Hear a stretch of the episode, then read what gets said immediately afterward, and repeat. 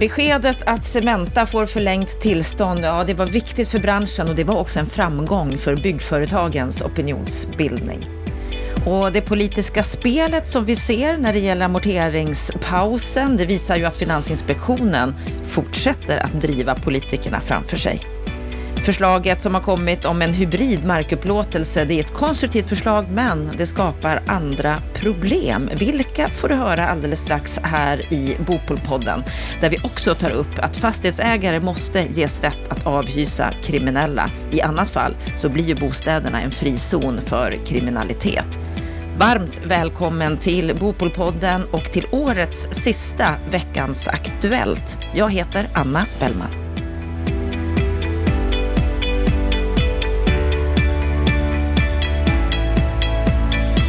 Den stora nyheten under den här veckan, det måste ju ändå vara att Cementa får förlängt tillstånd för att bryta cement i fyra år till. Ja, Lennart Weiss, vad, vad säger du om den här nyheten? Var den väntad? Jag vet inte om den var väntad, men den var väldigt välkommen eh, och den var helt nödvändig. För hade det blivit ett avslag så hade det fått oerhörda konsekvenser för byggbranschen, framförallt för infrastruktursidan. Därför att eh, det många glömmer bort är att eh, Slite slitecementen det, den används i huvudsak eh, av på infrastruktursidan, alltså för vägar och broar. Huscementen den hämtas ifrån Skövde. Så att för den del av, av byggmarknaden, av byggsektorn som ändå går ganska bra, så hade det fått väldigt stora konsekvenser. Så den samlade konjunkturella effekten i ett läge när bostadsbyggandet går ner och vi hade fått ett beslut som hade slagit mot, även mot infra. Det hade fått kolossala konsekvenser. Men det är skönt att den här domen har kommit. Jag skulle vilja säga att eh, resultatet av den här processen är också en stor framgång för byggföretagen som har bedrivit en mycket aktiv opinionsbildning eh, mot politiken, sannolikt också mot det juridiska systemet och lyckats göra konsekvenserna tydliga. Så att eh, tummen upp för ett bra jobb eh, utav Katarina Elmsäter-Svärd, Tanja Rasmusson, Anna Broman och andra. Ett, ett mycket viktigt resultat för branschen. Är faran över?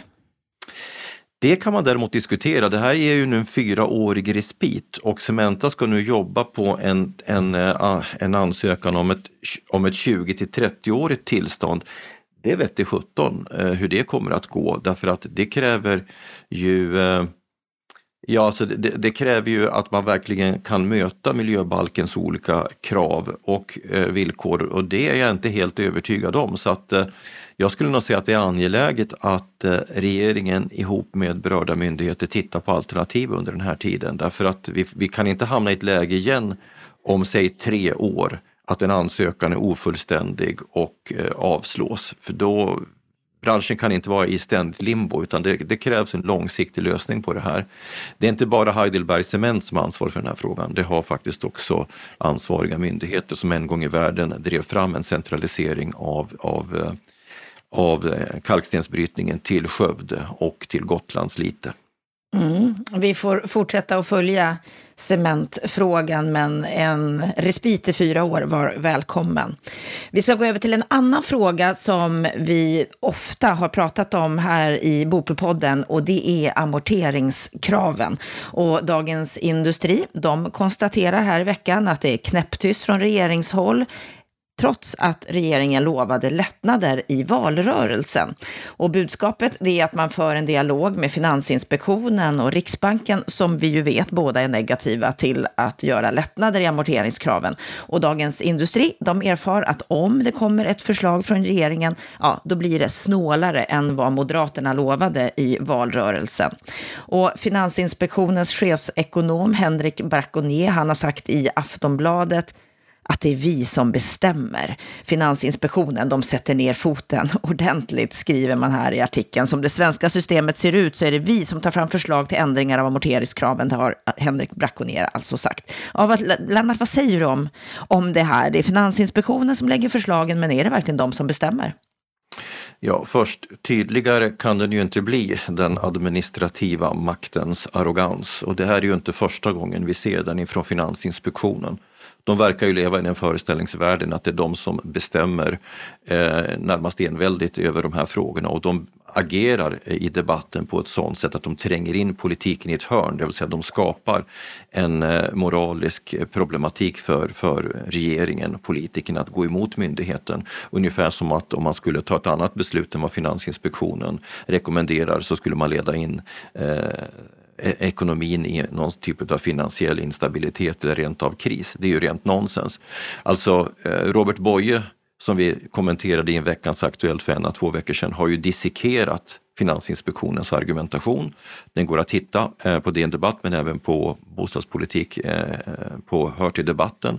Och han har ju gått igenom, att resonemang, gått igenom deras resonemang och konstaterat med tanke på hur många hushåll som egentligen skulle vara aktuella i slutänden så, så kan man inte använda argumentet att en generell amorteringspaus skulle leda till en sån stimulans av ekonomin att det skulle tvinga fram ytterligare räntehöjningar.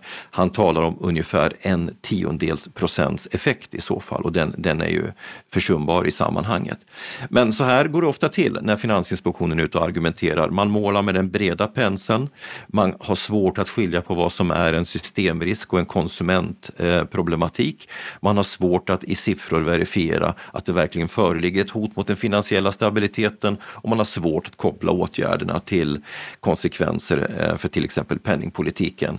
Eh, men vem bestämmer frågar du? Ja, det är naturligtvis ytterst regeringen. Regeringen har gett Finansinspektionen ett bemyndigande att hantera detta, men inom de ramar som politiken sätter. Och lite pliktskyldigt så säger också Braconier att regeringen kan naturligtvis, nej förlåt, det var, hans, det var, det var Finansinspektionens rättschef som konstaterade att regeringen kan ju mycket enkelt ändra på föreskriften.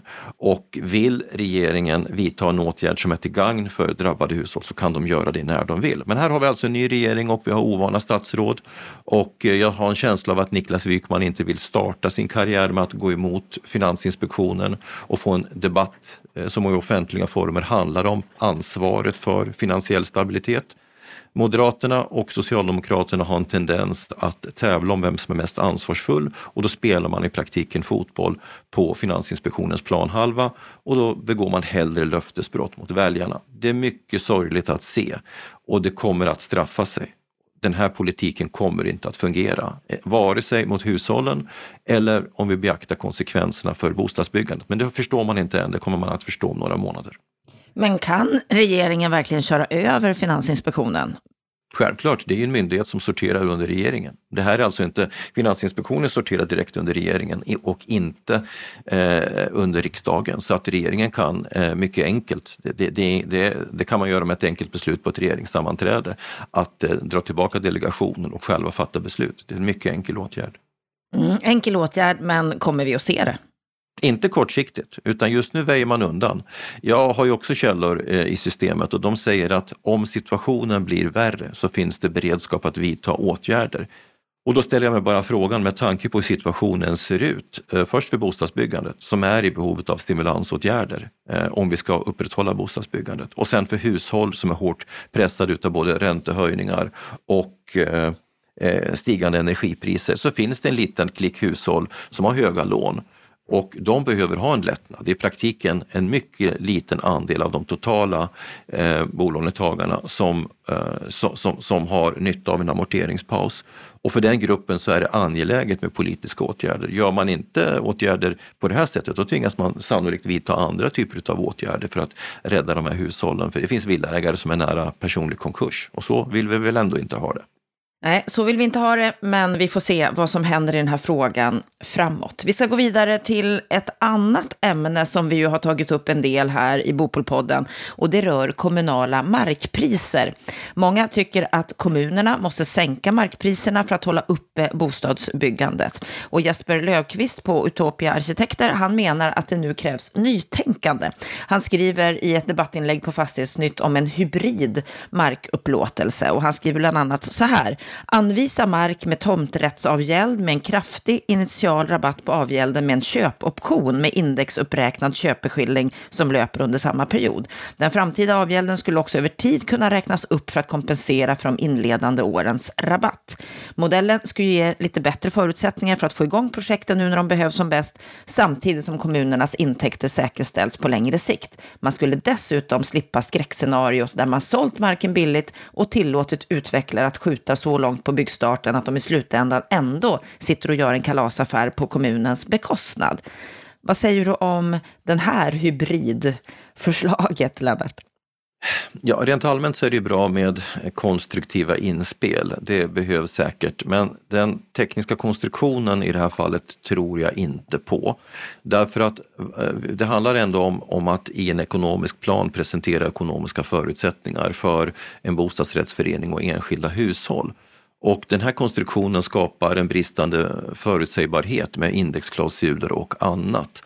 Eh, vi har redan idag en situation där vi har överlämpat över mer och mer av kostnaderna på bostadsrättsföreningen. Vi har en situation med en osäker utveckling både på räntesidan och energipriserna framåt. Så att föra in ytterligare en mekanism som kan leda till en, pris, en kostnadshöjning, en avgiftshöjning om några år, det är inte fördelaktigt och det vill inte bostadsutvecklarna göra.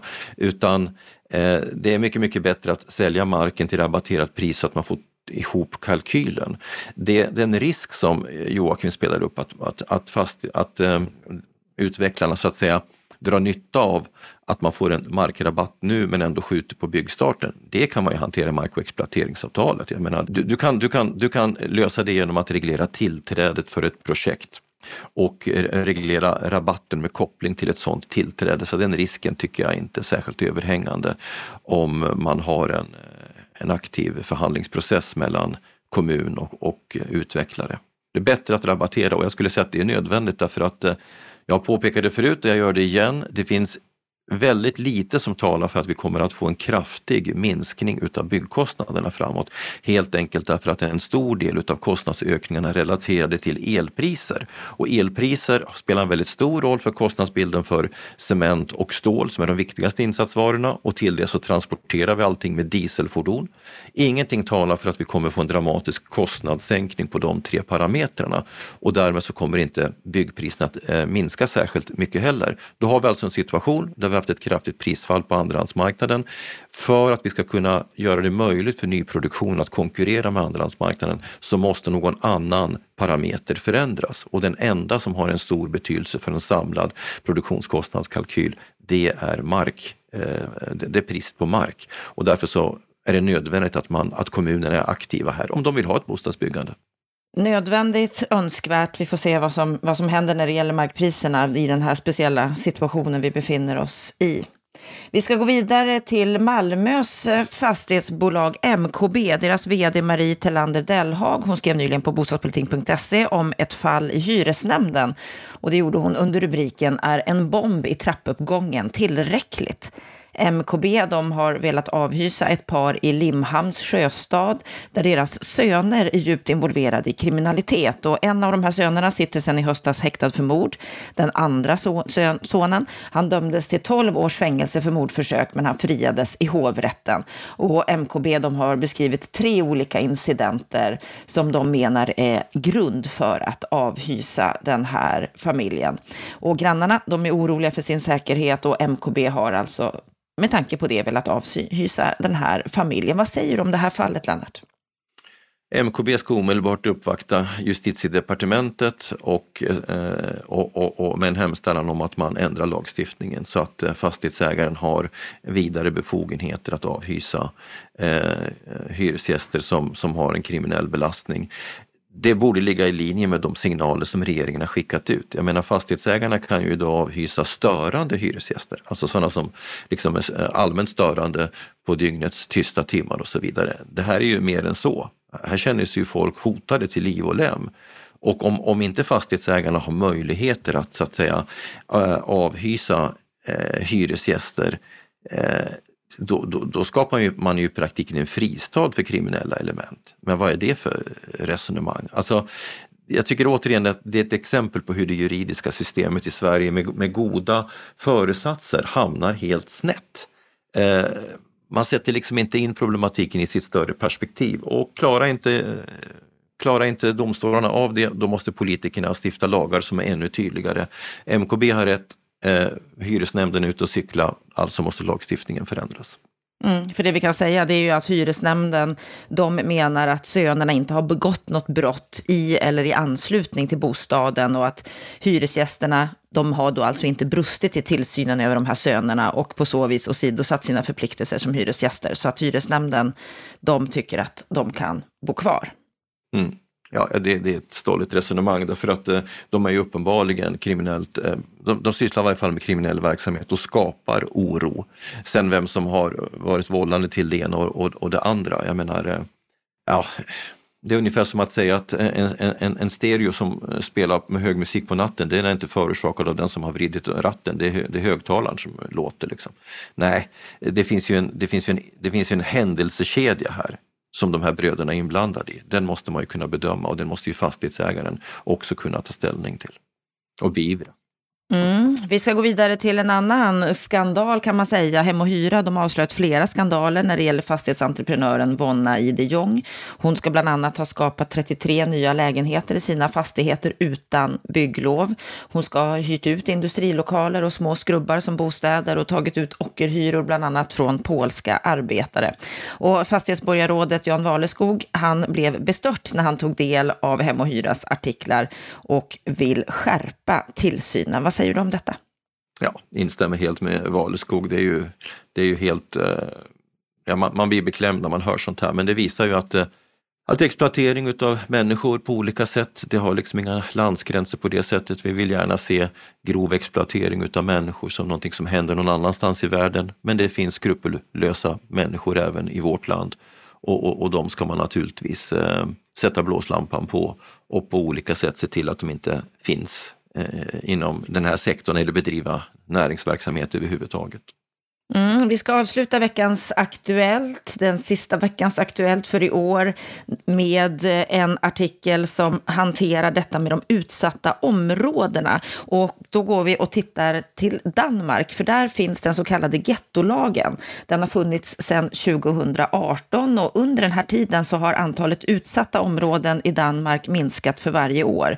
Nu finns det 17 17 områden, varav 10 så kallade parallellsamhällen. Och den här gettolagen den innebär att när ett område klassas som utsatt så gäller andra regler.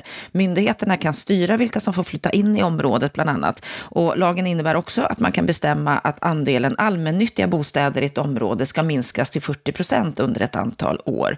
Den här lagen den har stort stöd i Danmark och nu ska den prövas i EU-rätten. Vad, vad tycker du om den här lagen? Kan det vara något för Sverige? Det känns eh, väldigt långt bortom vårt sätt att tänka i Sverige. Eh, danskarna har ju varit i en, eh, ska vi säga, i, en lagstiftningsspiral eh, under en lång tid där, där, man har liksom drivit idén om hårdare tag ehm, som lösningen på allting. Eh, de, skulle, de skulle ju även eh, etablera Eh, Eh, zoner för, för, för eh, asylsökande i andra länder och så vidare. Va? Jag tror att de till och med hade en idé om att man skulle ha ett fängelse i annat land för, för brottsligt belastade invandrare. Ja, alltså det finns vissa element i, i, i danskarnas sätt att tänka som vi säkert har anledning att titta på i Sverige också, inte minst när det gäller straff i olika avseenden för, för förbrytelser. Men det här tror inte jag på därför att eh, att gettostämpla det skapar ett stigma i sig. Vi har bättre förorter i Sverige, även om vi har problemförorter i Sverige också. Vi har exempel på hur vi kan hantera det, till exempel Gårdsten, Gårdstensmodellen som visar att när man säkerställer att människor kommer i arbete, när man har trygghetsvärdar, när man integrerar människor i skötseln av ett bostadsområde, Eh, när man stärker säkerheten kring ett köpcentrum, då lyfter man de här områdena. Människor ska först och främst ha jobb och sen ska de eh, komma i utbildning och sen finns det ett antal värderingsmässiga frågor som man behöver ta itu med. Det, det, det vet vi idag. Det har varit förbjudet tidigare att tala om den muslimska befolkningen men, men vi har en kulturell klyfta där. Men den, den löser man inte genom att gettostämpla de här områdena utan det är en annan typ av åtgärder. Eh, men vi har anledning att arbeta med dem. Eh, och arbeta med dem fokuserat under ett antal år. Men att bara liksom jobba med repressiva åtgärder och inte förstå att man också ska stötta människor. Vi ska också veta att det finns ju gott om sekulära människor i de här områdena som vill bli en del av det svenska samhället. De ska man ju stötta. Och, och på vilket sätt får de ett stöd att bo kvar i de här områdena om man stämplar det som ett getto? Nej, det tror jag inte på.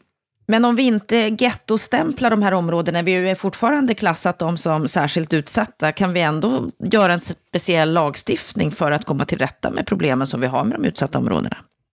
Jag tror inte att man löser det här med, med lagstiftning. Det kan vara en liten pusselbit kanske i ett större sammanhang just med syfte att, eh, att tränga undan och, och utsätta kriminella strukturer för, för stress och press. Vi pratade ju tidigare om MKB-exemplet. Vi har ju Eh, exempel på stadsdelar i Göteborg där kriminella element har tagit över och, och skapat, åtminstone i vissa zoner, någon sorts eh, parallellsamhällen med en annan rättsordning. Det ska man klämma åt eh, mot eh, lagstiftningsvägen och med, med repressiva åtgärder. Men i övrigt så handlar det om att göra det här till insatsområden, att stötta dem.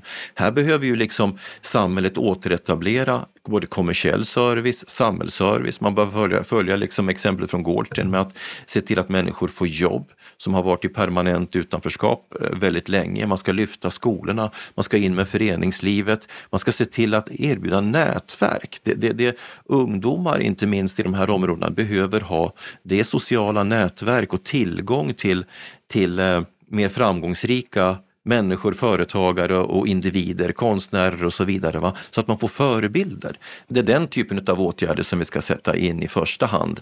Eh, inte genom att stigmatisera de här områdena genom, genom att stämpla dem på olika sätt. Det är ingen lösning. Nej, det är ingen lösning, men vad som är lösningen det kommer vi fortsätta och diskutera och ta upp här i Bopelpodden, för det här är ett ämne som vi kontinuerligt bevakar och hör olika åsikter om.